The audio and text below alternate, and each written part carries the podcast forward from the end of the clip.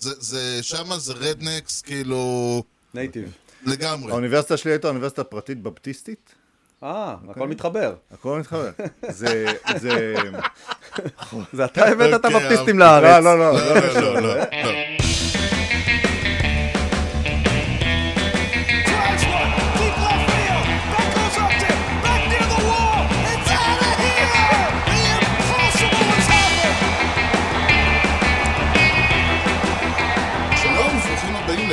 הוטדוג, פודקאסט הבייסבול הראשון בעברית עם יוני לב-ארי ואנוכי ארז שעד. שלום יוני. אהלן ארז. יוני משדר 67. איך אני מפחד שפעם אחת אני אטעה, ב- אני אהיה מוכן עם המספר הלא נכון?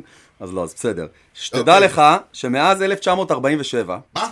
כן, השחקן NBA היחיד שלבש את המספר 67 הוא הסנטר הנוכחי של הניקס, טאג' גיבסון. אף אחד לא לבש 67. היחיד, אחד בודד. אה? מה אתה אומר על זה? אוקיי. לא אני את כאילו בא להגיד לך כמה ימים ארכה מלחמת ששת לא, הימים. אני לא אלך לשם, נו בחייך. 30 שנה, לך תזכור. זהו, אני אומר, אנחנו מדברים עכשיו, אנחנו יושבים עכשיו במקלט, כל מיני עצים עפים פה, כל מיני אה, אה, גשמים ורוחות והכל. הוא עוד במקלט. כן, וזה הזמן להגיד שהמשדר מגיע אליכם בחסות ט' ר' מסחר ויבוא עצים. בקרו אותנו בכתובת דרך בן צבי 20 ביפו או באינטרנט עם הכף ארדו.co.il כי המחירים שלנו הם לא בדיחת קרש. כל מה שאתם מנסרים, ממחסן העצים. זה עוד לא היה לדעתי. לא, לא, לא, לא, לא. אוקיי. אוקיי, אנחנו, החדשה הטריה והמעניינת היא ה-Hall of Fame, שזה בעברית התהילה החלולה, אוקיי. The Hall of Fame בארצות הברית. אבל לפני שנגיע לזה, אם נגיע לזה, יש לנו היכל תהילה משלנו, נכון. שלמחזור הפתיחה שלו נבחרו בשבוע שעבר, דיברנו עם אה, ליאון קלרפלד, והיום אנחנו מדברים עם עוד אה, אה, נבחר טרי, דן רותם. שלום דן. אהלן חבר'ה. אז קודם כל, ברוך הבא לכושר הוטדוג.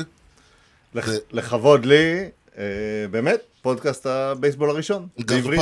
פעם ראשונה שאני רואה אותך בלי הקסדה של ה storm trooper. מי שלא, זה האבטר שלך ברשתות החברתיות, אז תהיתי האם אתה תבוא איתה.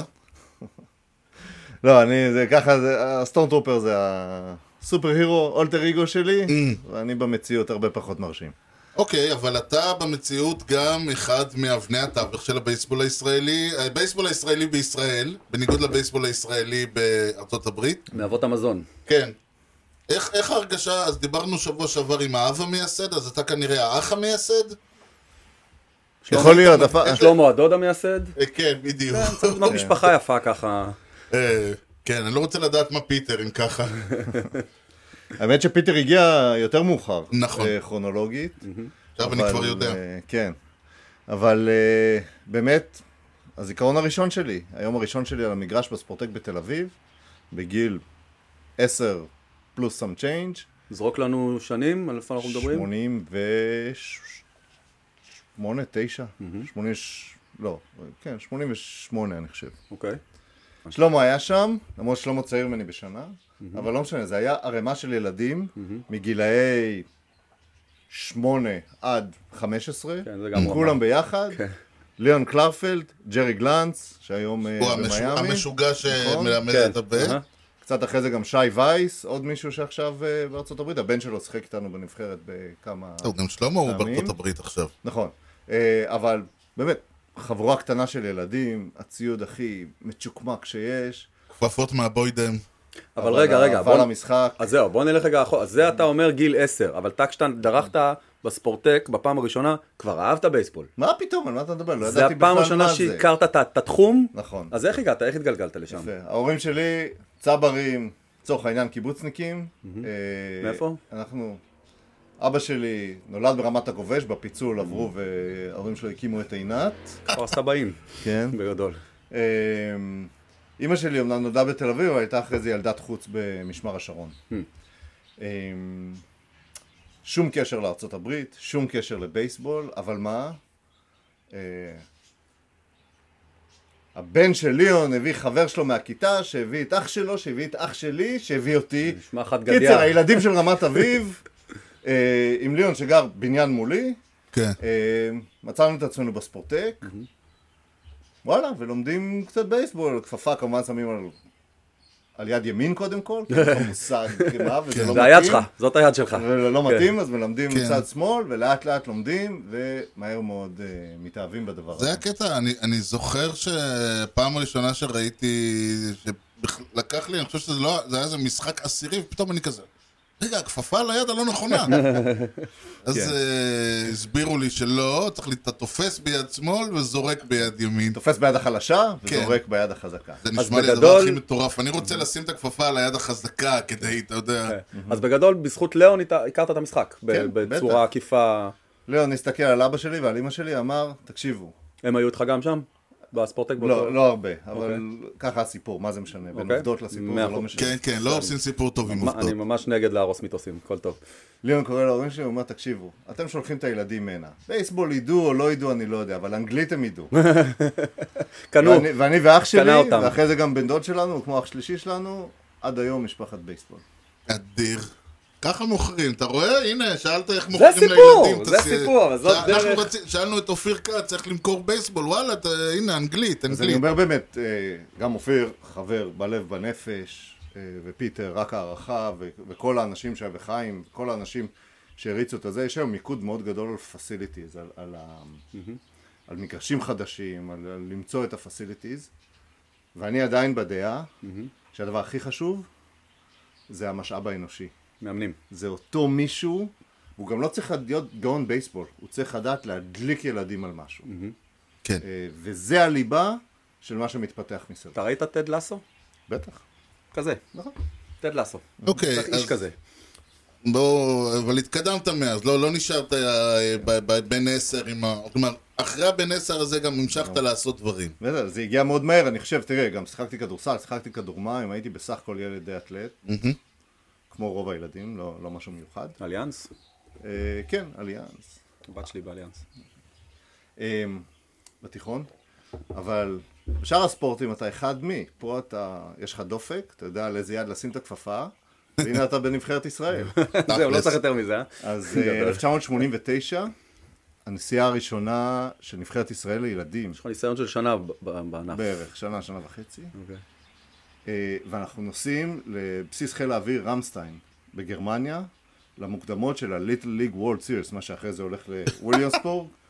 אז אנחנו, נבחרת ישראל, לא היה לנו בגדי אה, בייסבול. אחיך גם היה איתך?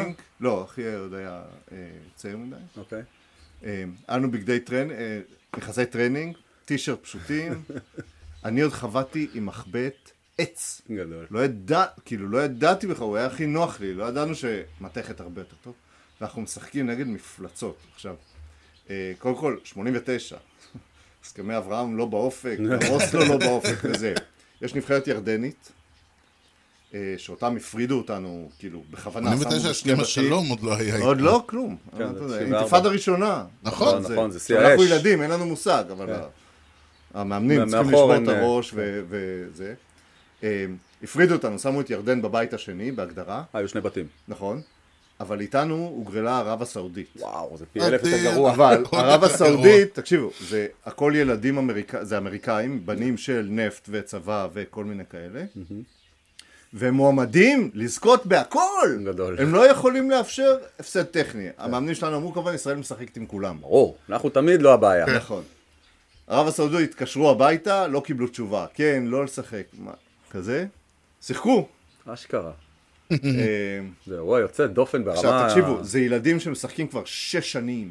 המדהים, אחי, זה, הם אמריקאים, הם כאילו חולמים על הליטל ליג וולד סיריס, כאילו, שם, ואתם מה? לזכור אותנו, אנחנו כלום.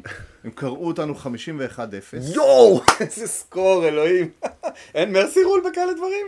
לא, יש mercy rule אופציונלי אחרי אינינג חמישי או שישי, ואנחנו בחרנו שלא, המאמנים שלנו וואו. רצו שנמשיך לשחק. אשכרה. זה היה חוויה, תקשיב, מדהימה, בלי קשר לתוצאה. לסקור. כן. אבל קראו אותנו 51-0. יום אחרי זה, השלטונות הסעודים הכחישו את, את המשחק. אשכרה. אבל היה, ניצחו יש... 51 0 אבל מה? לא היה משחק. בידיעות נתנו לנו הנחה, כתבו 30 0 אבל תקשיב, זה היה, וואו, איזה זה היה קטע. מדהים. אבל כל החוויה הזו, זה סיפור שלא שמענו אף פעם. אה, כן, בביוגרפיה, אה, זה היה משפיל? קשה להסביר. לא, לא היה לנו מושג, טוב, לא טוב, תקשיב, הם היו... אתם לא יצאתם משם וכאילו, מה? תגיד, אם היום תשים אותי, לא משנה, תשים את נבחרת ישראל מול זה מול יוסטון אסטרוס, אוקיי? טוב, כן. חוכמה. בראש, ברור, כי יש סימנים וזה. אבל מה, זה יהיה השפלה? או זה יהיה מדהים לשחק? אה, לא, זה יהיה מדהים גם... לשחק נגדם. גם בלי סימנים הם יצליחו. אני לא חושב. שיקבלו 51-0. לא, הם לא יקבלו חמישה. כנראה אבל תקשיב, יפסידו בכבוד. זה היה הנגיעה הראשונה שלנו בבייסבול אמיתי. mounds, אני זוכר. שמצאנו איזושהי גבעה קצת בגזר, עוד לא היו mounds בארץ, לא היו מגרשים, בשביל ש- שה pitcherים יתרגלו קצת לזרוק downhill. עוד לא הציעו את המילה תלולית בכלל. עוד לא הייתה קיימת. חבל על הזמן. תקשיבו, זה, זה היה מפגש ראשון, זה גם מפגש ראשון עם אמריקה, לי, היה עם אמריקה. רמסטיין, כן. זה ארצות, זה הבסיס חיל אוויר, זה הבסיס הצבאי הכי גדול באירופה, האמריקאי. Top Gun זה כזה. עיר אמריקאית, אתה בכלל לא נפגש כאילו בצבא. כן, סרטים. תכף אה, אני אספר שנייה על שנה, שנה אחרי זה, אבל בשנה הראשונה אתה, יש בורגר קינג, יש את הסופרמרקטים, אמריקה, וואו, הכל, 89, אתה יודע, עוד וזה. פעם, אנחנו- כל הילדים הולכים עם jerseys, אתה נפגש פעם ראשונה עם שחורים, אפריקאים, אמריקאים, כן. אתה כאילו, תקשיב, זה, זה כאילו, זה אתה עוד חושב מתפוצץ לך שקטשופ בראש. זה עסיס בכלל. רק נבין את הוקטורים, וזה בעצם מה שעיצב, אני לגמרי ישראלי, בלי שורשים אמריקאים, פעם ראשונה שהייתי בארצות הברית היה לדעתי בגיל 14 או 15. אמ, אבל לארץ, א', הייתי בבייסבול, אז סביב אמריקאים פה, היה נבחרת ישראל ובעצם החוויה הזו, ואימצנו את זה לגמרי, וגם הכבלים נכנסו לארץ. נכון. 89-90.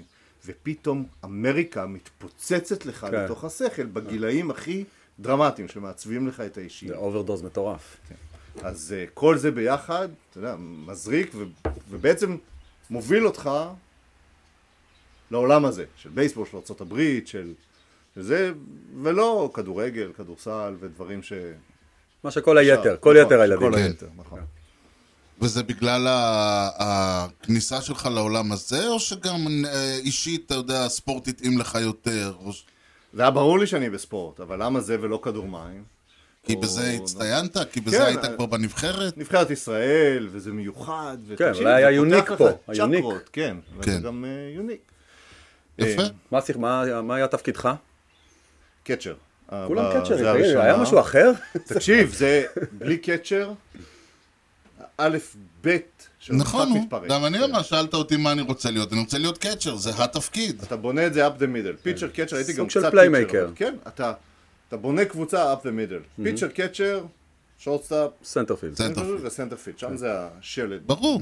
אה, במיוחד אז. אה, מנהל, הק- ה catcher מנהל את המשחק. כאילו לא היו לא היו אבל זה רק אחרים. בשנה הראשונה, אחרי זה כבר אה, זזת all around כזה? פיצ'ר. אה, אוקיי. אומרת? אוקיי. מה זאת אומרת? אם כבר לדפוק, אז למה את הברכיים אם אפשר לה- להרוס את המרפק? ואז אתה אומר, הייתה, אחרי זה כמובן הייתה עוד עונה ועוד עונה. עוד עונה ועוד עונה. אגב, רק אנקדוטה, שנה אחרי זה חזרנו לרמסטיין. אה, שנה אחרי זה, כן. סדאם פולש לכווית. וואו. בוקר אה, אחד אתה. מגלה... 91. נכון. כל הבסיס מתרומם, תקשיב, אתה. הגלקסים, כולם מתחילים לטוס מזרחה. כן. אנחנו שם למעלה. מגרש בייסבול, והמטוסים, ו-F-16, איזה טופגן, אלוהים. לגמרי. שם, אבל זה- גרמניה בשנות ה... בתקופה הזאת זה בכלל הזוי, כי החומה נפלה וכל זה, זה ממש להיות בהיסטוריה. לא יודע אם ראיתם את זה בבסיס ההוא. כן. זה אז. אה, לאט לאט גם הבייסבול בארץ מתחיל להתחזק. אני נגיד, שאני ש... שנה מעל שלו, אני תמיד הראשון, אז תמיד אין כל כך אה, שחקנים אחרים בגיל שלי. אה, אני תמיד, שנה אחת אני עוד במחזור של הקטנים, ואחרי זה אני לבד. אה, לבד, עם עוד כמה, אבל אין מספיק, בטח לא בשביל ליגה או לא בשביל קבוצה. אז אפילו בתור נוער, ליאון הביא אותנו, בשביל שנשחק תחרותי גם, ולא רק נתאמן, סופטבול, פאסט פיץ' סופטבול. ומה שהיה אז תל אביב טייגרס, לקחנו איזה חמש אליפויות רצופות, כי אצלנו היו ילדים מגניבים אתלטים, אל מול שאר המבוגרים, היום אני כבר כן, כן. מבוגר יותר, אז יש לי יותר כבוד, אבל באמת היינו הקבוצה הצעירה המדליקה שם. אה, אבל גם הבייסבול התחיל להתחזק, הביאו אה, אה, קצת מאמנים מחו"ל, בשביל לתת פה קליניקה של כמה ימים או משהו כזה, ובאמת בגיל 16 אה, פגשתי מאמן מארצות הברית, דרן ון טאסל, לא משנה כל כך, שהגיע הנה לקלי, לקליניקה, חלק מ-MLB אינטרנשיונל, ונשארתי איתו בקשר, ובאמת אחרי הצבא, תכף נגיע לזה אולי, בעצם הייתי הראשון שהגיע לארצות הברית לשחק בקולג'.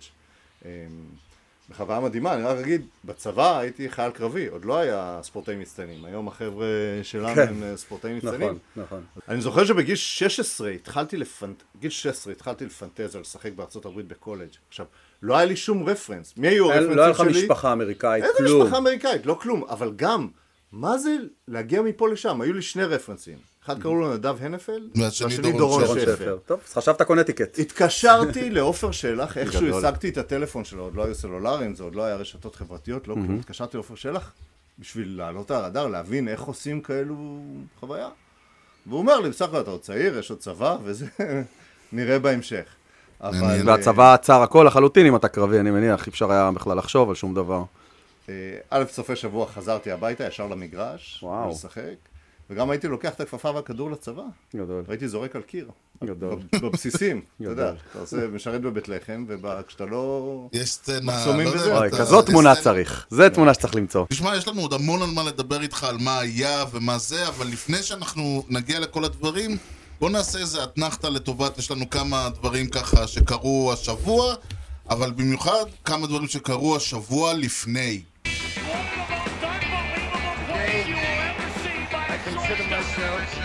Luckiest man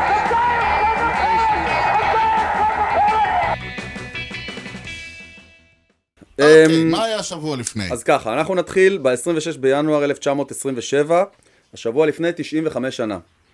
נולד, אין ברירה, צריך כן, כאלה. כן, לא, זה בסדר. אבל איפה הוא נולד? הוא נולד בקורונה.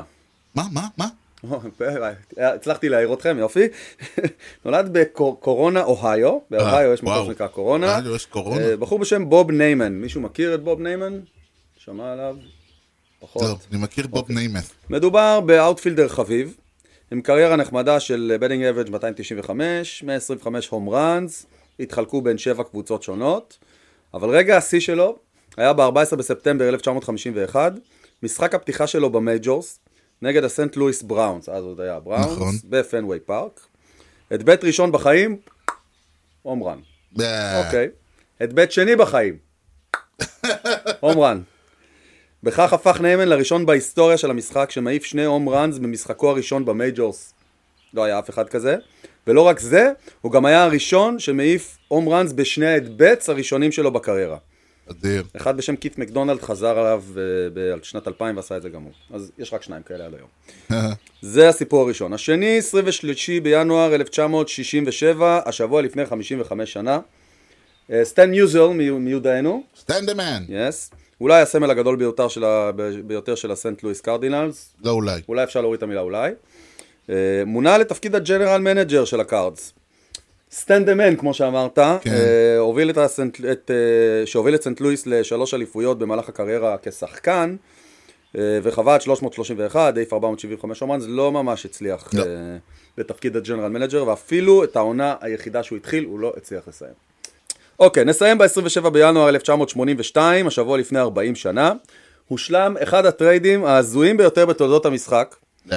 כן. Um, הפילדלפיה פיליז שלחו לשיקגו, לקאבס, את uh, לארי בואה, שכבר היה בן 200 בערך, ואת ריין סנדברג הצעיר. לא. בתמורה לשחקן בשם איבן דה הייזוס, שלא עשה שום דבר בחיים שלו, הם ויתרו על ריין סנדברג, שהלך והפך להיות אחד הקאבס הגדולים בהיסטוריה. אה, היה Mr. Cub אם לא היה אם את לא היה Mr. Cub, בדיוק. כאילו, וואו. וואו, וואו, וואו. והם ככה ויתרו עליו בשביל דה הייזוס. וואו, אחד השחקנים היו אפילו דה. הייזוסים יותר טובים מדה הייזוס הספציפי לא הזה. להאמין. ריין סנדברג? כן, איזה טמטום. התחיל בפיליז, כן. יאמר לזכותם שהוא לא כל כך הצליח במיינורס, וכאילו, היו כמה שלבים, אפשר היה. להבין את ה... אה, אה, פרטים, פרטים במעריב, בקיצור. אדיר, אדיר, אדיר. זהו. שמע, יש פה המון המון דברים שאתה אומר, ואני כאילו שומע אחד-אחד ואומר לא. אה, מעניין, מה זה יגרום לנו להגיד? אולי אתה תספר לנו סיפור אוקיי, שיגרום לנו להגיד לא. מה אתה אומר? לך על זה. עכשיו, יאללה. אתה אה, אמרת שם שהבחור, מה הוא עשה עוד פעם, הבחור הזה שזר- שחבט את ההומרן שני הראשון? אדבטס ראשונים הום ראנס בקריירה. זהו, אז אני הלכתי ואני תהיתי, האם יש מישהו ש... ש... כל... הסתכלתי על כל אלה שחבטו הומרנים בקריירה, אתה יודע, אתה היו... הכנת את זה בזמן שאני הקראתי, הקראתי? לגמרי, אוקיי. לגמרי. בזמן שאתה אמרת את זה, שבוע לפני. אה, שבוע לפני. שבוע לפני, כן. אני אמרתי, האם יש מישהו שההיבט הראשון שלו והאחרון שלו היה הום רן? אוקיי, התחיל וסגר את הקריירה. התחיל וסגר, אה, כן. ועכשיו, השאלה שלי הייתה לא מי עשה ה home run הראשון שלו בקריירה, מי חבט home run ב at bat הראשון והאחרון שלו בקריירה. יש שניים כאלה. אוקיי. אחד מהם בחור בשם פול גילספי, מה זה שם? זה שם של כדורגלן. צריך להיות כן, מגן הוא שמאלי. היה בקאבס, אה, מגן catcher שמאלי, בקאבס, מגן בשנות של ה-40. אה, דרבי קאונטי כזה. כן, פול גילספי. נכון. ובחור בשם... אז רגע, מתי הוא עשה את זה? או שאין לך? הוא אמרתי, הוא. היה קצ'ר בקאבס כן. בשנות ה-40, 42, 44, 45, אוקיי. ובחור בשם ג'ון מילר, שהיה... השדר? מה שמעניין, שמילר הזה, שחבט אה, הום רן בעת בית הראשון והאחרון, חבט רק שני הום ראנס. בכל הקריירה אתה שלו. רציני? כן. איזה קטע. בעת בית הראשון בחייו במייג'ור ליג, ובעת בית האחרון בחייו במייג'ור גדול, ליג. גדול, וזה הלה שלנו להפעם. גדול. ואם כבר לה, אז אני בטוח ש... האמת היא, אני חושב שאף אחד לא אמר לה כשהתפרסמו הודעות להול אוף פיים האמריקאי, לא שלנו. מה, עכשיו האחרון? עכשיו, אני עכשיו. אה, על ביג פאפי אמרתי קצת לה. כן, לא חשבתי לא, אני. לא ידעתי אם הוא לא ייכנס, חשבתי. אבל אני אמרתי שהוא יש לו סיכוי. לא, בסדר, לא חשבתי שפרסט בלוט. לא לא ראיתי זה קורה. לא. מודה. טוב. אז, אז כן. החדשה היא, אה, בגדול, אתה יודע, זה כאילו, החדשה היא ביג פאפי, אה, דיוויד אורטיז, שחקנה המעולה ל designated hitter של הרד סוקס, אהובו האישי של יוני, טפו, חמסה? אה, נבחר ל Hall of Fame ב ballot ראשון. כן, מה שהפואנטה פה היא מי לא נבחר. נכון. שזה אומר, זה ש- היה אבל ש- אבל שוב, שנתו- שזה- מה? שזה פחות מפתיע, אבל זה זה פואנטה גדולה, אבל כן, זה פחות אבל זה מפתיע. השנה העשירית שלהם. ולכן זה אומר שברי בונדס, סופית, סופית עד הוועדה כן, המסדרת, בדיוק. שאולי תהיה ואולי לא תהיה, סופית, ה Hall of Fame הזה הולך להיות בלי ברי בונדס, בלי רוג'ר קלמנס, מדהים. ובלי קורט שילינג, שזה כבר, אתה יודע, אתה- וסמי אחרי- סוסה. אחרי אה, וסמי שנפל לך... סוסה. מה? וסמי סוסה. וסמיס, אבל זהו, אחרי שנפל לך עץ על הבית ואשתך נדרסה, מה זה חשוב שהחתול גם כן עלה באש, אתה יודע? הבנתי איזה אותך. דימויים. שילינג זה החתול, אני מבין. שילינג זה החתול, שילינג זה חתול ה- זה. וסו- וסוסה זה שפיטרו אותך בעבודה, אני יודע. טוב, דן, מה דעתך על דיוויד אורטיז? ספר לנו קצת. תראו, אנחנו מנהלים את הדיון הזה, או, או בוא נאמר ככה, דיוויד אורטיז, אה, היו בעצם רק שני סימני שאלה שליוו אותו, אני חושב. כן. הראשון זה שהוא DH, אוקיי? ושנים הייתה, יש מחלוקת, האם DHים, ולצורך העניין גם רליברים, נכון. אה, זכאים כאילו להיות ב-Hall of Fame. אולי בהערת, אה, במאמר מוסגר, אני מאוד לא אוהב, לא את תהליך הבחירה ל-Hall of Fame, ובכלל, כל, כל מה האילומינטי האלו זה שיושבים. מאמר שצריך להיפתח, לא מוסגר בכלל. לא, לא, חשובים דיברנו בפני זה, זה עצמם. תהליך שהוא הוא בעייתי, נכון. הוא לא עובד- הוא לא עובד נכון. נכון, ואנחנו נכון. רואים שבתקופה הנוכחית יש איתו בעיה. אה, והדבר השני כמובן, זה הקשר המסוים שיש לו לכל ה-performance enhancing drugs. למרות ה-PEDs. שאין עליו שום הוכחה. אין עליו שום הוכחה, שמו נקשר, אני לא זוכר אם זה היה בדוח מיטשל או אחרי זה בפרסום של הניו יורק טיימס. אני חושב לא. שמחוץ לדוח. בניו יורק טיימס. כן. הוא נתפס אה, לא רשמית, כי נכון. בבדיקה, ב-2004, כמדומני, העבירו סוף סוף מדיניות של, זה הקטע הזוי, אגב, סוזה ומגואר וכל זה, עשו את זה חוקי לגמרי. הוא ב-2003 נתפס לא ידוע על מה, רק היה שם משהו, וזה לא היה, בתקופה הזאת הליגה עוד לא אסרה רשמית, ב-2004 הם אסרו ומאז הוא לא נתפס. נכון, 13 שנה שיחק במייג'ורס, מן הסתם נבדק. כן, אבל צריך לדבר גם על הקריירה שלו. עד שהוא הגיע לבוסטון, הוא היה שחקן חביב מינוס. הוא היה בטווינס, לא עשה יותר מדי, פתאום קרה שם משהו. מה קרה? יש חנות קרובה, לא יודע מה... כאילו, פתאום היה לו linkage למשהו? לא יודע, שואל שאלות. תראה, אני נחשף לזה יותר עכשיו, במיוחד שאלון, אה, שאירחתם אותו פה ביחד עם אסף וזה, אבל אלון הוא עכשיו מאמן, הוא הולך לאמן. עכשיו, לא Triple-A, כן. נחשף מדהים. לעולם של ה-PEDs, מה? לא, נחשף לעולם שבפנים, כן. אוקיי? ואתה מתחיל לחוות, בתור אוהד מבחוץ, מה ההבדל בין ה-player development של הקאבס, כן. לשל הפאדרס, לשל הזה. וואלה, אנחנו כמעט ולא יודעים. אנחנו יכולים להתחיל להבין, נכון. ככה להסיק מבחוץ. אבל כשאתה שומע עדויות מבפנים, כשאתה שומע שחקנים שמתקדמים, נגיד, סליחה, אבל אני לא רוצה ללכלך, אבל זה יהיה איזה סטים, זה הקאבס, שה player development שלהם פשוט לא טוב. בסדר? אתה גם רואה את זה עם חווי בייז נגיד עכשיו, אוקיי? חווי בייז, כישרון ענק, שנים בארגון הזה, כן. אבל לא, הוא נשאר אותו דבר. עכשיו, לך תדע, nature, nurture, אה, לא ניכנס לוויכוח הזה, אבל יש קבוצות שהן notoriously... לפעמים מה שאני מנסה להגיד זה מעבר, כן, להבדיל נגיד ממקום הטמפה ביי אחד רייז, לשני. שאנשים שואלים מה בדיוק הם מזריקים שם לשחקנים, כל מי שמעלים, מעלים לך reliever, אה, זורק inning וחצי, פוסל ארבעה אנשים והולך. מועדון הספורט הכי גדול בספורט מקצועני זה הטמפה ביי רייז. נכון. הכל. נכון. ROI, מה ש...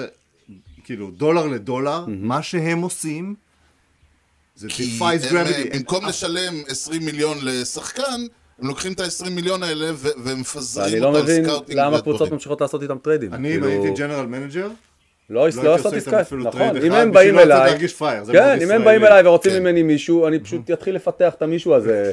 לגמרי. תקשיב, יש לנו קשר בנבחרת ישראל לזה. אמ, אה, יש לנו שחקן, סיימון, אמ, שהוא liaison בין ה analytics ל on field ב minor leagues בטמפה ביי רייז. וואלה. תקשיב, זה אנשים, הם גיאו... כן, זה פשוט מועדון. רגע, מדהים, זה אה, מעניין, יש זה מעניין מה שהוא אומר. אפשר להגיע לאיש? הוא שם? באנגלית, הוא כן, שם?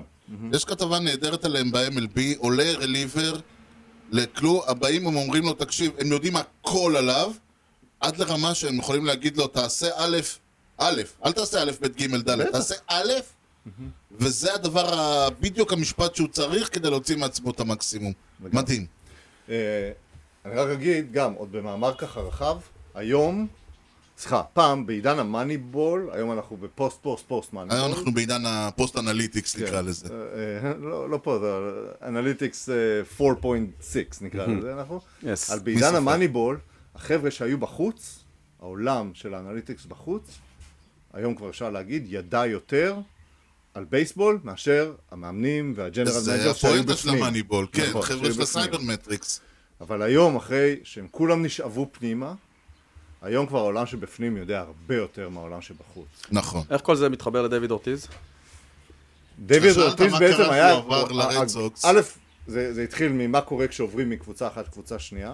לא תמיד זה דווקא איזה משהו חשוב. לפעמים בן אדם צריך, וואלה, switch, אנחנו כולנו חיות פסיכולוגיה. כן, אבל אבל לרוב, אני חושב שלרוב ה switch הזה מחזיק שנה, שנתיים. אני זוכר שכשאלפונזו סוריאנו חזר ליאנקיז אחרי סוף הסיבוב שלו, אחרי הקאבס, הוא היה בקאבס חלש, הוא כבר היה בן 400, והוא הגיע לניו יורק והתחיל להעיף home runs כאילו, כאילו בן 20 עוד פעם. אבל זה החזיק שבועיים, חודש, כאילו, המעברים האלה עוזרים לתקופה קצרה, לא, ל, לא לקריירה. לאורטיז זה עשה קריירה. מצד שני, אני אהיה פה ה devil's advocate, ואני אומר עוד פעם, ברי בונדס לדוגמה, ברי בונדס היה לו את היכולת המדהימה לזהות uh, trajectory של כדור ולהעיף אותו לאן שהוא רוצה, גם כשהוא היה חצי, מה, חצי ברי בונדס בפיירטס. נכון שכשהוא הגיע ל... ל... הוא הבין לאן הרוח אה, נושבת בג'יינטס, וחזר היה לו איזה פציעה, והוא חזר ממנה כפול בגודל, ואז כדורים לא היו, ואז כל הכדורים שלו היו יוצאים מה, מהקיר, לא רק מגיעים לדאבלים וטריפלים. אבל זה לא אומר, אבל הכל היה בזכות היכולת המדהימה הזאת, בזכות הכישרון הטבעי שלו, בזכות זה שהוא היה, כשהוא היה בן 12, אז אה, ווילי מייז היה זורק לו כדורים בבית של אבא שלו, שגם היה חובט מדהים. זה בן אדם שהסטרואידים, אוקיי, הם עזרו לו בגילו, ב- להגיע לגיל 40, והם עזרו לו להתמודד עם פציעות, והם עזרו לו לפתח שרירים, כל שריר בגודל של 4 צול, אבל הם לא עשו אותו חובט בחסד עליון. מה שהוא לא היה הפכו אותו... מהיסוד. כן, זה היה. גם אותו דבר איירוד, שגם לא ייכנס ל...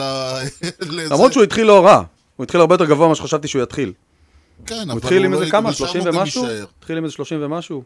כן, נכון, זה לא רע. יש לו יותר case מאשר ברי בונד. ברי בונד, שוב, מעולם לא נתפס. כן, אבל אה, מצד שני, איירוד, אה.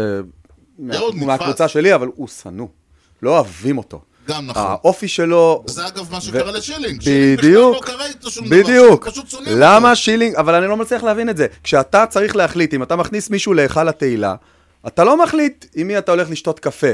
אתה מחליט אם הקריירה שלו מצדיקה להיות בהיכל התהילה, או לא. ברגע שפיט רוז לא נכנס להיכל התהילה, אבל הוא לא נכנס כי הוא הימר. אז מה? זה לא אותו דבר.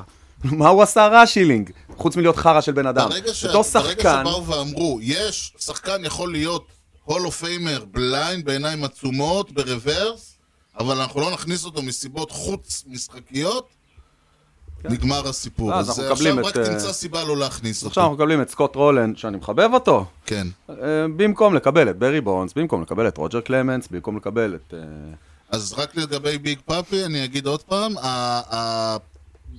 ש- אולי הסטרואידים עזרו לכדורים לצאת יותר, יותר משהם היו יוצאים, אבל הם לא הפכו אותו לחובט יותר טוב. אתה אמרת DH, אתה יודע איזה סיוט זה, כאילו, אתה יושב, אתה יכול לשבת שעות, כאילו, עם הקבוצה השנייה החובטת, אתה יכול לשבת חצי שעה על הספסל. הוא לא, אף אחד לא הכריח אותו להיות DH, הוא לא טוב בהגנה בשום דבר. לא, אבל אני אומר שזה זה לא... אה, מי זה היה? אה, שחקן של למד, שאלו אותו איך זה להיות DH כשהם שיחקו ב World Series, הוא אמר זה כמו להיות pinch hitter ארבע פעמים. נכון. כאילו, כל הרעיון הזה שיש לך pinch hitter, הרי הוא יושב, יש לו at bat אחד, תצ... ת- תציל את המולדת, כאילו, העלינו אותך בגלל, בשביל שתשיג את ה grand slam, תשיג... זה מה שהוא היה צריך לעשות, זה לא תחוות ויש לך הגנה ויש לך זה. אני. חושב, אני חושב שהעובדה, אם אנחנו כבר שואלים את השאלה האם ל-DH, כאילו, אה, האם זה בעיה שהוא היה רק DH, העובדה שהליגה הולכת לכיוון של הכל DH, אומרת משהו. כאילו, ברגע שאתה עושה את זה, אתה נותן פה אמירה ש-DH צריך להיות בהיכל התהילה. העניין הוא שאני חושב שאחת הבעיות הגדולות, אגב, של ה-all of fame זה שלא נכנסים כל כך על הגנה. אז דווקא בקטע ההפוך, אתה אומר, אה, שחקני הגנה שאולי אין להם את פחות המספרים, נוצץ, זה פחות נוצץ. כן. אז מי רוצה בטח- להיות בלם אז אם יש בכדורגל? לך שחקן שיש לו מספרים ואין לו הגנה כי הוא לא הגן, מי רוצה להיות בלם בכדורגל? מי רוצה להיות בלם? אף אחד לא רוצה להיות בלם. אתה רוצה להיות חלוץ. קיצור, אז אה, אני, כשהתחיל כל הדיון הזה, אני אמרתי, טוב, מבחינתי, כמו שאנחנו אה, אמרנו כבר לא מעט, זה מוזיאון נחמד, ואני, אני לא יודע, לא- אולי לשחקנים זה חשוב, אני לא יודע אם לשחקן זה חשוב, אני לא יודע אם לברי בון זה שכן, חשוב, אני בטוח שכן. אני לא יודע, אולי היה יותר. חשוב, היה לו יותר חשוב לקחת אליפות ב-2002, אני לא יודע. אה, זה לא אומר שזה לא חשוב לו. לא, אני אני אומר, אם מסכים היית שואל שכנראה אותו הייתה מה לו הוא היה מעדיף, אני חד יודע מה. אני חושב. כאילו, אני לא- אני לא ברי בונס. אני מניח שהוא העדיף אליפות. ולשבור את השיא של אנקרון כנראה. ו- סליחה, ול- ולשבור את השיא של אה, מגווייר, ולשבור את השיא זה של לא אומר. שהוא לא היה מאוד שמח להיות בהיכל התהילה. אני לא יודע, אני לא יודע, לא מכיר את האיש. גם אני לא, לכן אני לא יודע על מה, אני לא יודע עד כמה זה חשוב להם. חוש פרוע. באחד מה World Series ים האחרונים יחסית, ששידרנו, אני משדר בערוץ הספורט, מפרשן. אחרי שהוא פרש כבר. לא, לא, אה, כן, אחרי שהוא פרש, כן, אז הוא הוא בפאנל הוא של פוקס, הוא ב- בפאנל של ב pre-game ה pre-game. וב post game. והיה להם איזה לא. סגמנט, אה, what language is this, כאילו, איזה שפה, שהם היו לוקחים פיד בינלאומי, בוחרים אוי, מישהו, גדול. משמיעים קטע, גדול. ואז ה- הפרשנים, מבין, הוא ואיירוד לדבר. וכאלו צריכים לנחש איזה שפה. אוקיי, זה היה ב post game? כן, ב post game. אה, בכל מקרה, זה היה היאנקיז דווקא, באיזה משחק פלייאוף. אה, פלייאוף, זהו, לא, World אה, Series כן, יכול. להיות שלא World Series, למרות שאני... לא. World Series שלנו האחרון זה 2009. היה איזה ground ball שמצא את החור בין third base ל-third baseman שזינק וככה התגלגל ל left field, מסתבר נכנס איזה run וזה היה double בסוף או משהו כזה. אוקיי. play די מעייף, כאילו all in all, אתה גם באיזה inning רביעי, אתה לא צועק לתוך המיקרופון כאילו על זה. בסופו של דבר בדיעבד זה היה ה run, כאילו, אה, זה. המשחק. אוקיי. אז הם שתו את ה play הזה, השמיעו את זה להם שם בפוקס. ואני נשמע די מנומנם, כי בסך הכל, לא, טוב, גם תשמע, זה היה שתיים וחצי בלילה, בוא. לא, לא בגלל שתיים וחצי בלילה, איזה, אבל ground ball שמוצא לו חור, זה לא התעלות הנה אתלטית. לא של הזה, כן, לך תדע, הובילו שלוש אחת, משתיים אחת זה עלה לשלוש אחת או משהו כזה. דיוויד אורטיז ואיירוד וזה, צועקים עליי, כאילו, מנבלים את הפה, לא לא ב live, אבל בדיעבד, מה זה הנמנום הזה, איפה האנרגיות לא ואיפה הזה. אז אה, הוא כמובן לא לא מדבר איתי, אבל אה. יש לי חשבון פתוח עם דיוויד גדול. אורטיז. עכשיו תשמע, צריך, צריך גם לתת את הצד השני, לא שאני בעדו, אבל צריך להגיד את זה. אני, מישהו שאירחנו אמר את זה, אני חושב שפיטר, אבל אני לא סגור על זה בדיוק, כן. שבסוף, כשאתה מעביר לילדים שלך מסר של you can cheat, ועדיין אתה תקבל את הכבוד, זה מסר בעייתי. זה נכון, זה מסר בעייתי, זאת נקודה שצריך לזכור. אוקיי. מישהו אחר, ואני לא זוכר את שמו, אמר, cheating זה כשאתה עם החבר'ה בפוקר ביום חמישי. שחקן בייסבול מקצועי שמתפרנס מהמשחק וצריך לנצח כדי להאכיל את משפחתו, that's not cheating. That's, be- זה, ספורטיב, זה כאילו אה, ספורטיביות, או איך שתקרא לזה. ספורטיביות. אה, ובזאת נסיים את הדיון. אוקיי. אה, אנחנו תכף נחזור אליך, אבל לפני זה יש לנו איזה פינה קטנה שבעקבות, טוב, נקרא לה מורה נבוכים. You know the guy's names on the baseball team? Well, go ahead. Who's on first? Yes. I mean the guy's name. Who? The guy playing first. Who? The guy playing first base. Who? The guy on first base. Who is on first? אז אנחנו, זה, האמת היא זה ספיח, שבוע שעבר היה ליאון. נתן לנו פה master class בכל מיני עניין של umpiring ודברים כאלה. 3 and 3, 3 balls, 3 strikes. כן, בדיוק. והיה את הסיפור שהוא סיפר, אתה בטח, אתה זוכר, אה, הוא דיבר על זה שהיה home run, היה רץ על בסיס ראשון שני, 2 outs, והרץ עקף את ה... אה, את ה... הר- הרץ שחבט, עקף את הרץ השני, לא יודע איך הם הצליחו. ואז היה שאלה מה קורה, כי זה היה האוטו השלישי. האם זה. וחשוב לי, לה- ואמרתי, רגע, יש פה נקודה שאולי אנחנו צריכים לדבר עליה, כי איכשהו בכל הדיון היא התמסמסה קצת. אוקיי. יש כמה סיטואציות בבייסבול שבהן הרץ או החובט שנהיה רץ בעצם מקבל בסיס on the house. זה למשל אה, walk או hit by pitch. זה פשוט אומרים לו לך לבסיס הראשון. גראונד רול דאבל, כדור שפגע באדמה ויצא מתחומי המגרש באופן חוקי. זה אה, כל. כל הרצים מתקדמים שני בסיסים. נכון. והום רן, מן הסתם, שאתה יכול להרגיע, לרוץ עד הבית. זה עדיין אומר שאתה חייב לדרוך על כל הבסיסים בדרך. ברור. זה לא כזה ברור. אוקיי. למה כזה ברור? לא יודע, לי זה ברור. אוקיי, לך זה ברור. ברור לי. כי חלק מהעניין היה, אם היה הום רן, אז הרי למה בעצם, אה, הם, ש... למה הם עדיין צריכים לרוץ את ההום רן? מבין, זו השאלה. כן, אם השגת הום רן, הרי אי אפשר לפסול אותך. נכון. אז למה לא השופט אה, ילחץ ידיים לשני האנשים וישלח אותם. לדאגאוט? אגב, זה עוד יקרה. בניסיון לזרז את המשחק. יהיה home run ויאללה בוא נמשיך. זה עוד יקרה. נכון, אז זה בדיוק השאלה. אם כ- אם עכשיו כבר 4 pitch walk זה נהיה הסימן הזה, לדוגמה, ה four pitch walk כבר בדיוק, הוא יוצא מהכלל. אגב, חלק מהבעיה של ה four pitch walk והקטע הזה ששמו ב- אה, ב extra inning את הרץ על הבסיס השני, אז למה כולם מתעצבנים? כי הם אומרים, אבל הבן אדם לא יכול להגיע לבסיס בלי שהוא דרך על בסיסים בדרך, אתה יודע. נכון? כן. אבל זה הרעיון, אתה לא יכול, אם אתה לצורך העניין אה, עמדת על הבסיס הראשון, יש ground, אה, ground rule double, והחלטת ל- ל- לרוץ דוך לבסיס השלישי, כלומר, לרוץ בקו ישר, לא אה, לעבור את השני, פשוט, לחצות כאילו. כן, אז ההגנה פשוט זורקת לבסיס השני ואתה הולך, הב- ואתה הולך לשבת ב dugout. אוקיי. הרעיון הוא ש... ואותו דבר אגב הפוך, אם אה, רצת לבסיס השלישי ואז אתה מחליט לרוץ חזרה לראשון, אתה חייב לרוץ ולדרוך על כל הבסיסים בדרך. מן הסתם. מה קורה אם אתה לא עושה את זה? אז אה, זה מה שנקרא פיל פליי, וההגנה זורקת את הכדור לבסיס השני ושואלת את השופט מה דעתך, ואז הוא אומר להם? כן או לא. ומה, כאילו, הוא יכול לפסול את ההום רן כן, במקרה כזה?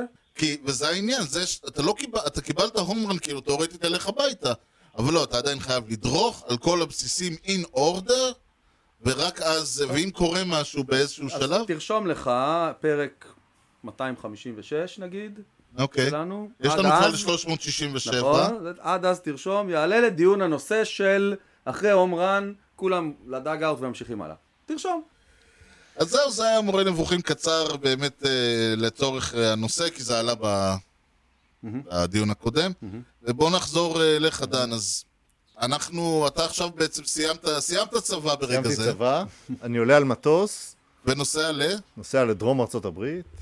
לא אה, לאורנג' קאונטי הפעם. לא, לא, לא, זה... שלמה, אלון, אה, שלמה, אופיר, אלון, הם כבר היו ב... כן, זה. זהו. הדבר שידעתי, איך כל מיני יהודים וזה, עזבו, לא, לא, לא משנה כרגע, זה, אתה רוצה לשחק בייסבול? אתה יורד לדרום. אוקיי. צפון זה קר, הם משחקים 30 משחקים בעונה, יורד לדרום 56 plus some change בקולג' אנחנו מדברים. נבחנתי, השתחררתי בנובמבר 97, בינואר 98 כבר הייתי שם בדרום ארצות הברית, כבר מבחנים בקולג'ים קצת קטנים, הם רוצים שאני אתחיל למחרת, לתת לי full ride, שאני אתחיל למחרת, אמרתי רגע רגע רגע אני לא בשל, אחד היה D2, אחד היה NAIA. אה, בוא, בוא, בעברית, לטובת... אה, Division 2, נכון, Division 2, הכוונה NCAA, כן. אבל לא division 1, לא הבתי ספר הכי איזה גדולים. קולג'? זה- ה- ה- השניים האלו... איזה state? בג'ורג'יה. אה, לא, אוקיי. אחד בג'ורג'יה, אחד גרדנר ווב University בצפון קרוליינה, תכף נחזור אליה, כן, או-אה. אבל שניהם, זה, אתה נבחנתי אומר, שם... אם כבר דרום, אז זה כאילו... כן, לגמרי. נבחנתי שם, רצו שאני אתחיל מההתחלה, זה קצת נתן לי ביטחון. כאילו זה לא... נתן לי קצת ביטחון, וגם יצר לי קשר עם גרדנר ווב, בסוף גם הגעתי לשם. אה, אבל התחלתי אה, את השנה הראשונה שלי, שיחקתי את השנה הראשונה שלי בג'ורג'יה סאדרן University, שזה division 1. אותו מאמן שהיה בארץ בגיל 16 ונתן קליניקה קטנה, הוא היה pitching coach שם. אה, בקיצר, החליטו לתת לי קצת אה, כסף מלגה ושאני אשחק שם, כמובן. תקשיבו, הייתי ראשון. אני זוכר, טסתי אה, מהארץ על כרטיסי stand-by, דודה שלי עבדה ב-TWA, לא משנה. TWA. נחתי באטלנטה, נחתי באטלנטה עם שתי מזוודות. אתה מבין, ישראלי לא הולך לשחק לא בייסבול כאילו, בחו"ל, היה בקומ- קצת טס אימייל בקומבינה. אבל לא ידעת לא, למה אתה מגיע. ממש- היה היום הוטמייל, אחר- המציאו את ההוטמייל אז. לגמרי. היה אמ, אה, החבר'ה שהיום נוסעים, אסף, אה, טל, הם יודעים בדיוק לאן הם מגיעים, כן. כבר היו לפני... הם בגוגל לא- map נכנסים ורואים... אה, לא היה לי מושג אפילו, נגיד, שצריך להירשם ל classes, לזה. הייתי פה בתיכון, נותנים לך מערכת, זה מה שאתה עושה. תכל'ס זה נכון. שם זה זה. הקיצר, אני יורד באטלנטה, on your own. מבלה את הלילה בגרייהאונד station באטלנטה, שזה חדר לא מאוד גדול עם שני vending machines. אז זה בלילה, בבוקר לוקח את האוטובוס של ה-back roads, אוקיי? חמש שעות עד לסטייטסבורו, ג'ורג'יה. תחנת הגרייהאונד זה כמובן ב gas station מחוץ לעיר. כמובן. קיצר, מגיע באמת לדרום העמוק. אה, זה- זה כמו פתיחה של סרט, כאילו האוטובוס מגיע. ל-nowhere אטלנט-, nowhere ג'ורג'יה. כן, הוא יורד עם המזוודות, האוטובוס נוסע. יורד ילד שאין לו מושג מהחיים שלו. שנייה לפני הקולג' שזה, אתנחתה קצרה, דיברנו על קאבס, ריין סנדברג. והיה פה עוד איזה reference לקאבס. כן. אה, שלך, אגב. לפני שחתמתי, הייתי ב tryout, אה, שלחו אותי למסה, אריזונה, זה ה spring training של הקאבס. לעשות כן. שאיכשהו נכפה דרך... איזה יהודי- לקאבס? דרך איזה יהודי שהיה פה בארץ, והוא היה ה president של ה-Southern League, זה ה-AA league, וזה, ביקש מחברים שלו וזה, תיתנו לילד הזה, ראיתי אותו משחק shortstop פסו. קיצר, אני מגיע לשם, למסה, אני ועוד כמה walk-ons, אה, ואני אומר, אוקיי, איפה pitcher ים פה? אומרים, איך קוראים לך? דן רותם. אתה shortstop, אתה לא pitcher. אני אומר, תקשיבו, אני לא יודע איך זה הגיע, אני מבין איך זה הגיע, אבל תקשיבו, אני pitcher. מסתכל עליו, אומר, אתה לא pitcher, אתה shortstop.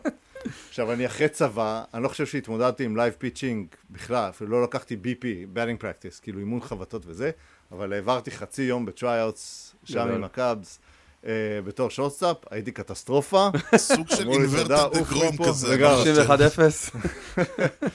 חזרתי לארץ, וארבעה חודשים אחרי זה התחלתי את ה freshman Mm. year שלי בג'ורג'יה סאדרן, וואו. כ pitcher. כ pitcher. אוקיי. ארבע חודשים כדי להסביר לאמריקאים שאתה pitcher, יפה. לא, לא, אה, בקולג' כבר אה, אה, ידעו שאני pitcher, אבל באמת, אה, להתחיל, קודם כל, החוויה היא כמובן מדהימה, לא משנה כמה, נבח... אה, אה, כמה נבחרות נוער שהיינו בארץ, זה לא מתקרב לחוויה של day in ו-day out, והחוויה של קולג' והכל, כמו שאפשר לדמיין. אה, כי, כי תסלח, הנבחרות זה סוג של חוג עם אה, איזשהו summer, summer camp נכון, כזה. נכון. ופה אתה מדבר כבר על, באמת, כמו שאמרת, day to day. You living the, the life כזה. זה, ה, זה הופך להיות החיים שלך. לגמרי. אז איך הייתה החוויה הזאת? מדהימה. אה, אני אני אגיד, ב- קודם כל, המאמן שלי, ג'ק סטולינגס, המאמן הראשי, שבזמנו היה מקום שלישי all time ב-D1 בניצחונות, Mm, ל-opening day sermons שהביאו את אה, טומי לסורדה, הוא כן. הביא וואו. את הרמון קילברו, זה, זה היה. הגוורדיה. הוא היה עוזר מאמן. בנבחרת הבייסבול האולימפית ב-84, זה היה הרצה. 84 כן. זה היה הרצה. מגווייר, בונדס, וזה, וואו. כולם שם, כאילו, בנבחרת ההיא של 84. מטורף. בסוף השנה הוא פרש, הוא כבר היה מבוגר, הגיע מאמן חדש, עם מאמן פיצ'רים חדש, שלא אהב אותי, אוי. למרות שהיה לי פול טוב, חתך אותי. אוי. הרמתי טלפון לגארדנר ווב יוניברסיטי בצפון קרוליינה, שרצו אותי... גארדנר ווב יוניברסיטי, שרצו אותי שנה וחצי לפני זה, אמרו יאללה בוא, מחר. גדול. ואז בעצם את השלוש שנים, את הסופמור, ג'וניור וסיניור שלי, שיחקתי בגארדנר ווב, שזה חור אפילו יותר גדול מסטייטסבורו, ג'ורג'יה. יש רמזור אחד בעיר. נורת קרוליינה? בצפון קרוליינה, בחלק המערבי של צפון קרוליינה. צפון קרוליינה, זה בוא, נשמע בוא, בוא. צפון, אבל צריך להבין לא, זה הדרום זה העמוק, הדרום. נכון. מה זה, שננדאו פארק כזה, האזור הזה? במערב, זה כן. צ'ימני רוק, צילמו שם את אחרון המוהיקנים, זה הפוט-היל של. גדול. אז אם ראיתם את הזה. עכשיו תקשיבו שנייה, בואו רגע אה, ניישר את הקו. המדינה הכי מדהימה ויפה בארצות הברית זה צפון קרוליינה, וואלה. שמתפרסת מהחוף האטלנטי, דרך. אה, אה, אוקיי. דרך ה-research triangle, דוק, אה, צ'אפל היל, דוק. UNC ו-NC Mountains. יש מלא זה, וייק פורסט זה בצפון קרוליינה, יש מלא כאילו אוניברסיטאות מהממות, כן. שרלוט, ענק. והחלק המערבי של צפון קרוליינה כבר בואכה הפלאצ'ים פארק. ואשוויל למעלה, פארקים. וזה כן. היה האזור. זו המדינה הכי יפה, היא הכי רבגונית והכי זה, אני כמובן משוחד. בכל לא, מקרה, ביליתי אני שלוש מסכים שנים איתך, שם אבל, בקאנטרי, כל החברים שלי הם redneck ים מהאזור של צפון זהו, קרוליינה. אבל זה, העניין הוא שאני אומר, יפה יפה, אבל צריך להבין, זה South, זה, זה, שמה זה rednecks, כאילו, native. לגמרי. האוניברסיטה שלי הייתה אוניברסיטה פרטית בפטיסטית, אה, הכל מתחבר. הכל מתחבר. זה, זה... זה אתה הבאת את אוקיי, הבפטיסטים אבל- לארץ. לא, לא, לא, לא, לא, לא, לא, לא. אמ, בכל מקרה, חוויה מדהימה. היינו מאוד טובים ב sophomore year שלי, הגענו ל-D2 College World Series. וואלה. זה אחוז שילינג, אבל זה סיפור. אחר יהיה. לא, הפסדנו שניים ראשונים, זה double elimination, וחזרנו הביתה, אבל באמת, היינו קולג' קטן משום מקום וזה. אחרי זה עלינו ל-D1, בלי קשר להצלחה שנה הקרובה, זו החלטה פוליטית של האוניברסיטאות, אם אתה Division 2, Division 1. אוקיי. עלינו ל-D1, התחלנו לשחק גם schedule יותר גדול, נגד UGA, נגד ג'ורג'יה טק, נגד כל מיני, כאילו, קולג'ים מאוד גדולים. אה, והעונה הכי טובה שלי באמת, הייתה ה junior year שלי, זרקתי כמעט 100 innings בכל... רגע, זרקתי כשאתה- כשאתה 99 שם. כשאתה רגע, רגע, שם- זרקת 100... 99 innings ב junior year שלי, שזה המון. המון. בשלב הזה אתה חושב על קריירה? כן, קודם כל כן. אה, זה היה עידן, דילגנו קצת על ה nineties, וזה... הישראל- הישראלים הצברים שגדלו ב nineties זה אוהדי ברייבס, כי זה מה שהיה בטלוויזיה. היה פה פלייאוף של בייסבול, וה constant היחיד בשנות 90 בפלייאוף היה אטלנטה ברייבס. נכון. אז ראינו אותם כל שנה, גדלנו אוהדי ברייבס, זה גם בסוף שיחקתי ב Braves country, כאילו בג'ורג'יה או צפון קרוליינה, זה לא משנה, כל שלוש שעות מאטלנטה ברכב. אה, חוויה מדהימה, אבל זה גם היה עידן שהדבר הכי חשוב ב pitching היה למקם את הכדור, בסדר? זה היה קצת ספורט אחר ממה שהוא היום, ה velo היה כיף, אבל זה היה בונוס. פחות עניין. אז זה שלא זרקתי חזק, ה fastball הממוצע שלי היה באזור ה-82 מייל שעה, פחות נורא. כן? אה, לא זה עוד לא היה כזה חסם. location. אבל, כן, ו- וגם הייתי טוב, היה לי breaking ball טוב, כאילו, ו- וגם, במיוחד ב junior שלי הייתי טוב, אבל לתוך ה senior אתה כבר מבין שזה לא, כאילו, שזה כנראה לא יהיה, לא יהיה זה. אמ, כי? כי זה כבר, אנחנו נכנסים לעידן שבו באמת ולוסיטי הוא כבר כזה אה, דומיננטי. זה כאילו אתה קצת פספסת את החלון מהבחינה הזאת? שאם היית, מה- אם היית נגיד חמש-שש שנים יותר מוקדם, זה יכול להיות שהבייסבול שלך היה יותר מתאים? כן, אבל, כן, אבל, אני לא יודע להגיד. אני אוקיי. לא באמת כזה כישרון אה, מדהים. אה, כן, ארבע שנים, אתה כבר שנה האחרונה אתה מבין שאף אחד לא מקבל אפילו לוק עם ימני, pitcher ימני, אם אתה לא פוגע 90, שהיום 90 זה מצחיק, כן, אבל כן, אז אה, זה היה- 90 מייל שעה, 88 הכי נמוך, אם יש לך משהו באמת מיוחד ב breaking ball או זה, אתה לא מסתכלים עליך, ואני כבר מתחיל להסתכל מעבר לבייסבול קצת, התחיל להתעניין יחסים בינלאומיים, ובאמת אחרי הזה אני נוחת בוושינגטון, התחיל לעבוד במשהו שקשור לסכסוך פה, אבל... לא רחוק. כן, אבל זה לא רחוק. ואני חושב שנגמר. אין יותר כן. בייסבול, זהו, סיימת. מה זה? 2004, לא הרבה אחרי זה, נבחרת ישראל הראשונה. השנה הזאת. כן. נבחרת ישראל לבוגרים הראשונה, גם הליגה פה, פתאום יש מגרש בכפר בפטיסטים, זה לא היה כשאני לא היה. טסתי. מתחילה ליגה של בוגרים קצת, אני מתחיל להגיע לארץ גם בשביל עבודה וגם זה, ואני באמת כאילו אתה נשארת בוושינגטון? כן. אוקיי. אבל אני מתחיל להגיע לארץ גם קצת בשביל עבודה, ונשאב לגמרי בשנייה, זה גם הכי טבעי, זה לא איזה החלטה. כן. אני כולו שנה, שנתיים אחרי קולג', נבחרת ישראל ב-2004, אני זוכר, נסענו לגרמניה, B-Pool, של... שלמה זרק 2 complete games, אני זרקתי 2 complete games, גדול. ואת המשחק היחיד נגד גרמניה, שהם היו אה, אה, נבחרת מדהימה, הם היו ההולנד של אז. זרקנו ג'וני אורסטאפ אה, וכיסחו אותנו, אה, אבל זה באמת הייתה התחלה של נבחרת ישראל. 2004, 2007, פעם ראשונה של אלון, אה, 2011 כשאירחנו פה בארץ, הכל, ו... עם, ה... עם הדרמות. כן. אה, שהיו, אנחנו כל הזמן על סף ההעפלה ל A-Pool, אבל אף פעם לא מצליחים לנצח את ה B-Pool. זה מה שהיה ב-2011? 2011 אירחנו פה, כן, זה אני B-Pool. זוכר שהיה במשחק האחרון, אני זוכר, אני כן. אה, הייתי. אה, לדעתי כן, הייתי אה, ביציע. נגד אנגליה, הפסדנו כן. לאנגליה, שלמה זרק. היו שני משחקים באותו יום, double header, נכון? נכון, זה כן. היה, כי זה נכון, double נכון. elimination, לא משנה, שלמה, ביום שתערכו אותו, יוכל כמובן להרחיב יותר מזה, זרק את המשחק הראשון. ניצחנו אותם, והגענו בעצם למשחק של דו או די מול, אה, לא דו או די, כאילו ווינר goes up, אה, והוא חוזר ופותח גם את המשחק השני באותו זה. מטורף. זה כמו זה. 1890 בארצות הברית, 2011 בישראל. לגמרי. בקיצור, מתחילה נבחרת ישראל עם, אה, ככה, עם איזשהו, כמו חסם כזה. מפסידים פה בגמר, שלוש שנים אחרי זה בחצי גמר של, של ה B-Pool, לא מצליחים באמת לעלות. במקביל, מתחיל ה-thrust הזה ל... באמת לזירה הבינלאומית. בפעם הראשונה הופעה ב-WBC, במוקדמות, ב qualifiers של ה-WBC, של ה-World Baseball Classic. זה אה, ג'ופיטר? נכון, זה בג'ופיטר, פלורידה. כן. אה, גם שם נשבר הלב קצת, נכון? כן, נשבר הלב, הפסדנו בהארכה לספרד כן. בגמר. אני ושלמה ואלון היינו ה token Israelis ביחד עם כל זה הסופרסטארים. שון גרין, אה, גייב קפלר, אה, שון גרין היה מאמן שחקן. גייב קפלר אה, והשלישי, the other guy? ברד אוסמוס. ברד אוזמוס. היה אה, הוא היה manager, הוא היה נכון, manager, כן. נכון. ראיינתי אותו. יש פה תמונות בעירום כמעט מלא מה clubhouse של רגע, של ג'וק פידרסון ביחד עם נייט נכון, פיש. נכון.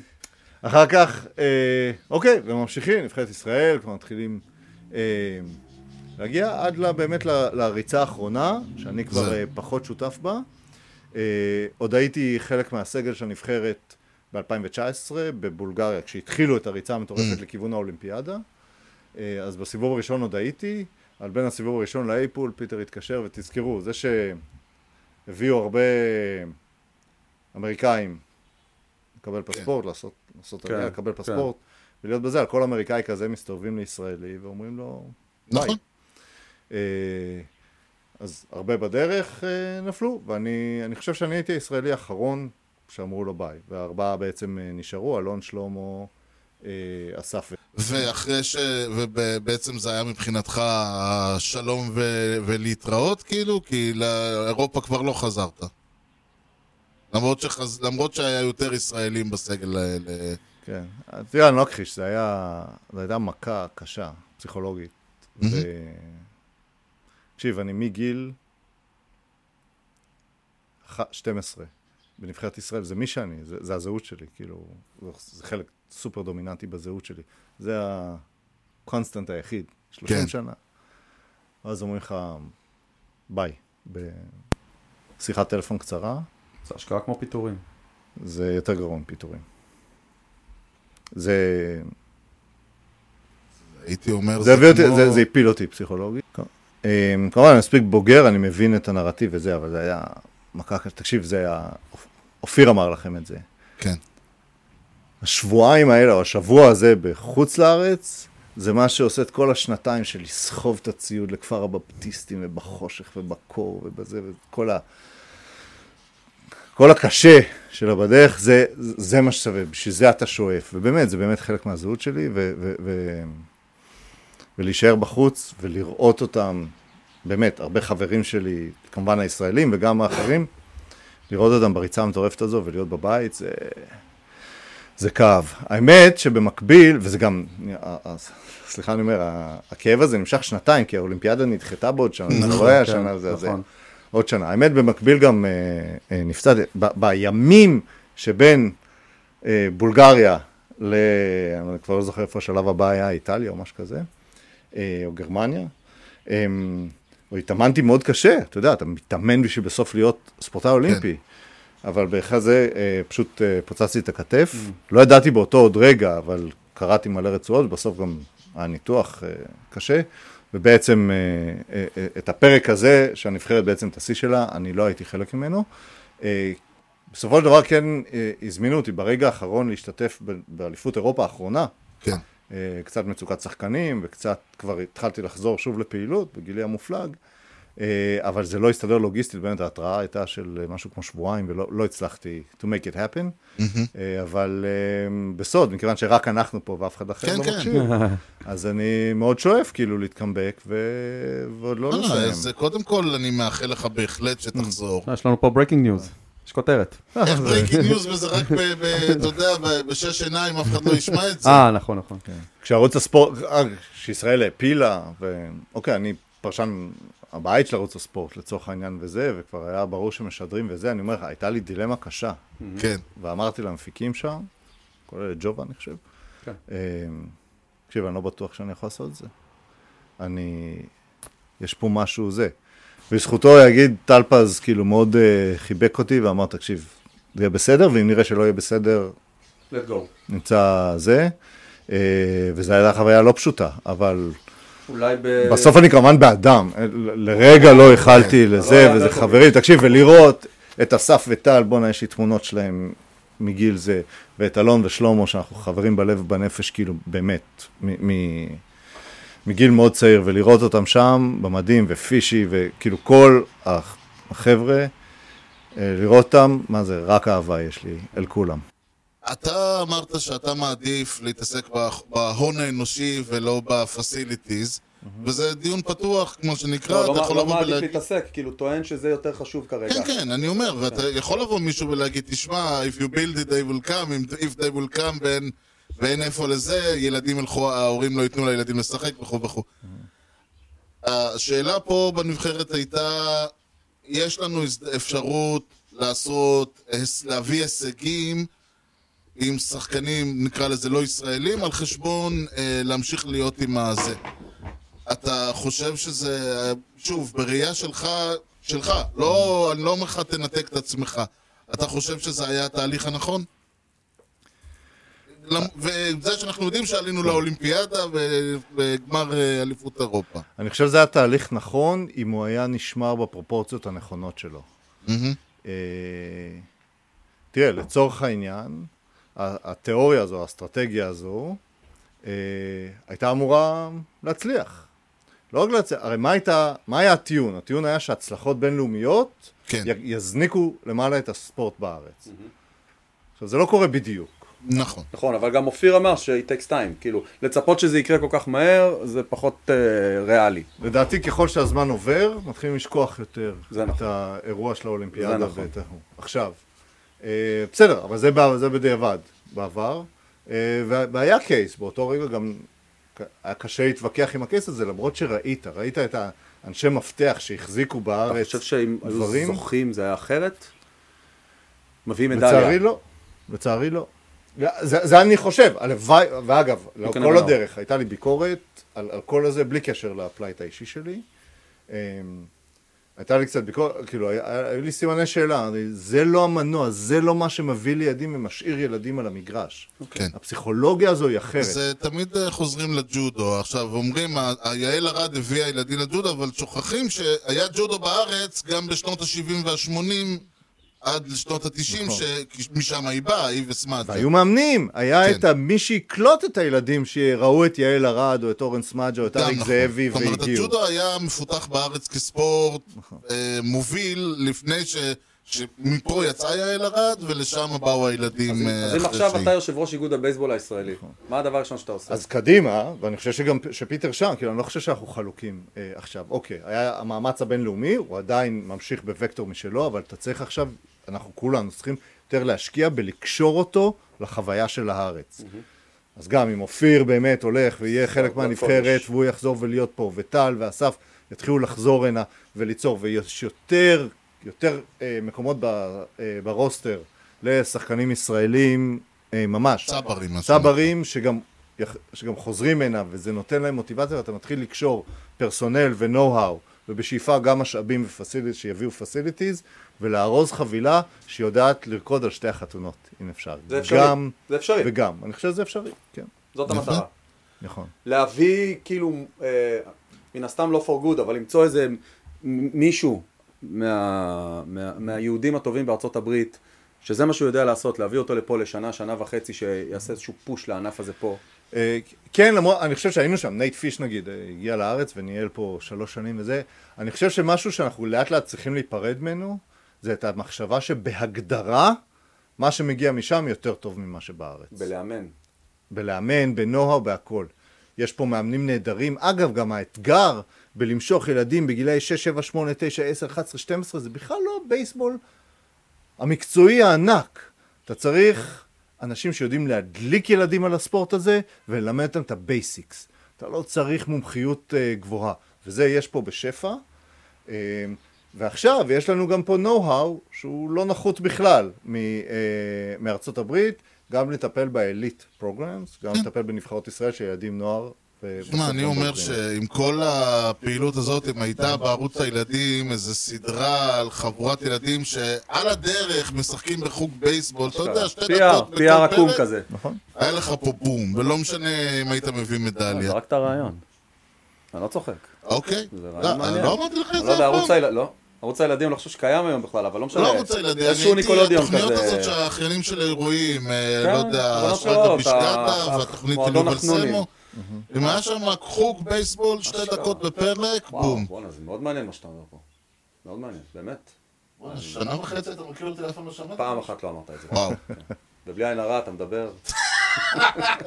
אוי, שלוש, שלושה ימים לא הפסיק. לדבר. לפני שאנחנו נפרדים, ואני רוצה להודות לך, אנחנו יכולים כמובן לשער פה עוד שעות וזה, אבל אה, יש לאנשים, עוד ארוחת אה, שישי ודברים כאלה. אתה אמרת שאתה אוהד הברייבס, אני חייב לשאול אותך, מי השחקן שבעיניך הוא אה, השחקן, לא יודע, the greatest brave of the, the bravest brave. מה, אין אה, זה. אה, היסטורית זה כמובן הנק ארן, עם, עם כל מה ש... עם כל המטען שם שמגיע, המטען החיובי שמגיע, אבל מבחינתי השחקן ש defined, ש- שהגדיר את האטלנטה ברייבס בעת המודרנית, זה צ'יפר ג'ונס. באמת, אתה יודע, שהוא גם חצה דורות, הכוונה, התחיל באמצע שנות 90, ב- בשיא של הברייב, זה היה חלק מ... אה, מה- הגדולה אה, של הברייבס, כולל האליפות 95, והביא אותה עד לעידן המודרני, הוא ופרדי פרימן, כאילו הוא עשה hand-off כן. לפרדי פרימן, שגם בסופו של דבר אה, עזר להביא אליפות, למרות שכמובן הברייבס אה, של השנה זה לא אימפריה של בייסבול. לא, זה- זה זה ממש לא משנה, היא נכנסה להיסטוריה כאלופת 2021. נכון. כן. רק רק אני אגיד משהו קטן. קטן. אני חושב שאמרנו, אמרתי את זה, את זה כן אמרתי לדעתי כמה פעמים, אה, ואני משוחד. אני די hard Yankee fan, אני להבדיל ממנו לא רואה משחקים של קבוצות אחרות, אני רואה משחקים של היאנקיז. אממה, השחקן היחיד בחיים שלי שהייתי רוצה לראות משחקים, גם אם זה לא היאנקיז, ורק בגלל ההגנה שלו, אפרופו מה שדיברנו מקודם, זה אנדרו ג'ונס. אני, יש לי אליו פינה אישית כאילו בלב, אה, לא ראיתי center fielder כזה בחיים שלי. טוב, אה, אנחנו בהחלט יכולים להמשיך, אבל אה, בניגוד לבייסבול, אצלנו תמיד יודעים מתי המשדר מסתיים. זה לא יקרה לפני שאנחנו נפשפש, יש לנו פה ספרון טריוויה. אני, מה התאריך היום? היום ה-28 בינואר. אז יש פה שאלת טריוויה ל-28 בזה, אתה כמובן מוזמן, יוני גם אתה מוזמן. מי השחק... השחקנים שחבטו לפחות 500 הום ראנס, השיגו יותר מ-3,000 היט, וממוצע שלהם הוא 300, אה.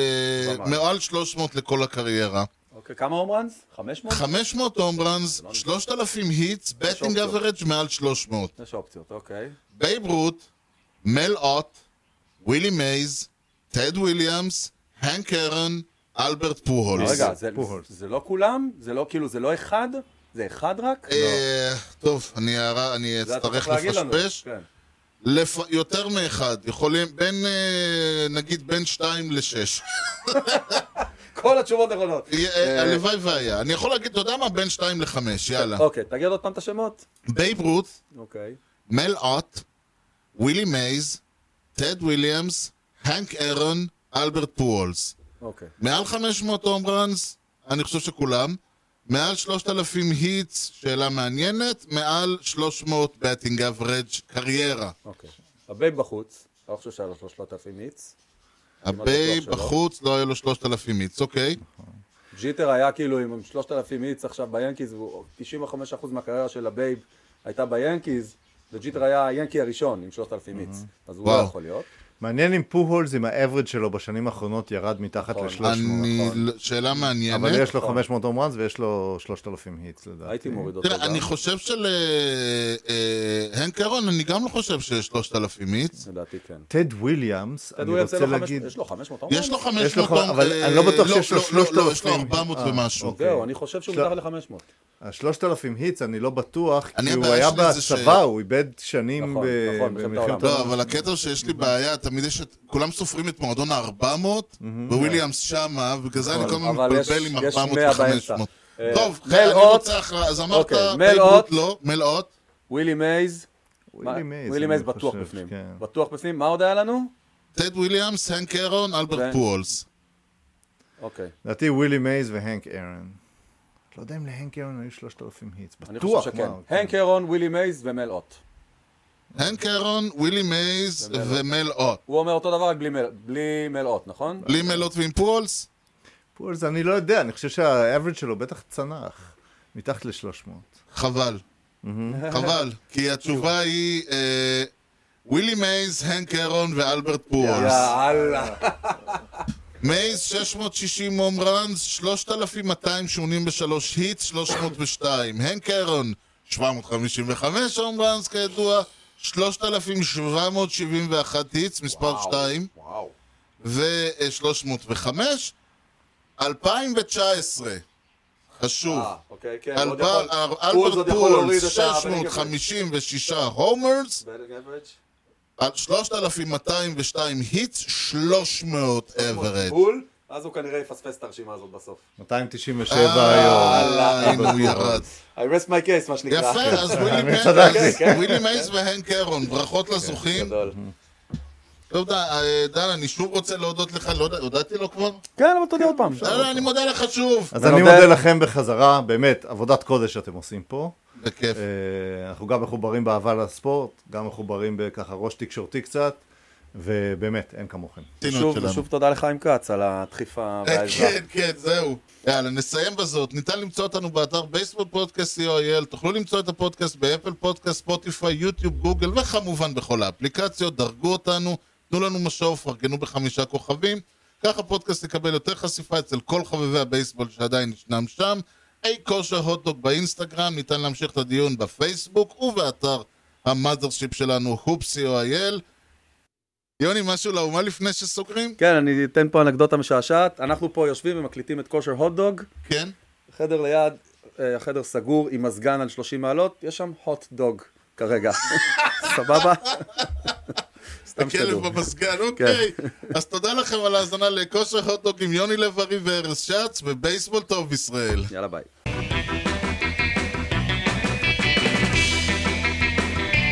Swung on a drill to right field. Doing back Sanders on the track at the wall. See ya! See ya! See ya! A home run!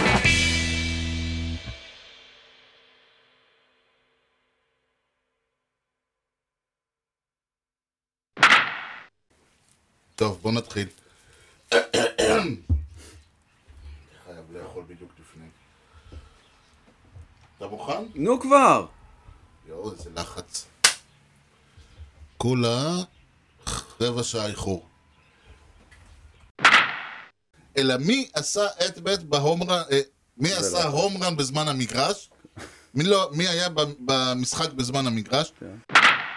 יש סצנה ב- ב- בסרט שנקרא הבריכה הגדולה, שסטיב מקווין שם, כל פעם שהוא בכלא הוא יושב עם כפפה וכדור, וזורק על הקיר, ואז כאילו רואים את ה... לא רואים אותו, אלא רואים מבחוץ, שומעים את הבום בום, בום, כי הוא זורק על הקיר, נופל ותופס. One hopper. וחוזר אליו, וזה זה כאילו הסאונד של הסרט. כאילו הטלפון שלי חזר ל-1984. מגי חתם רשמית בחולון. אה, הבן אדם מת מ-2003. הוא חתם בחולון.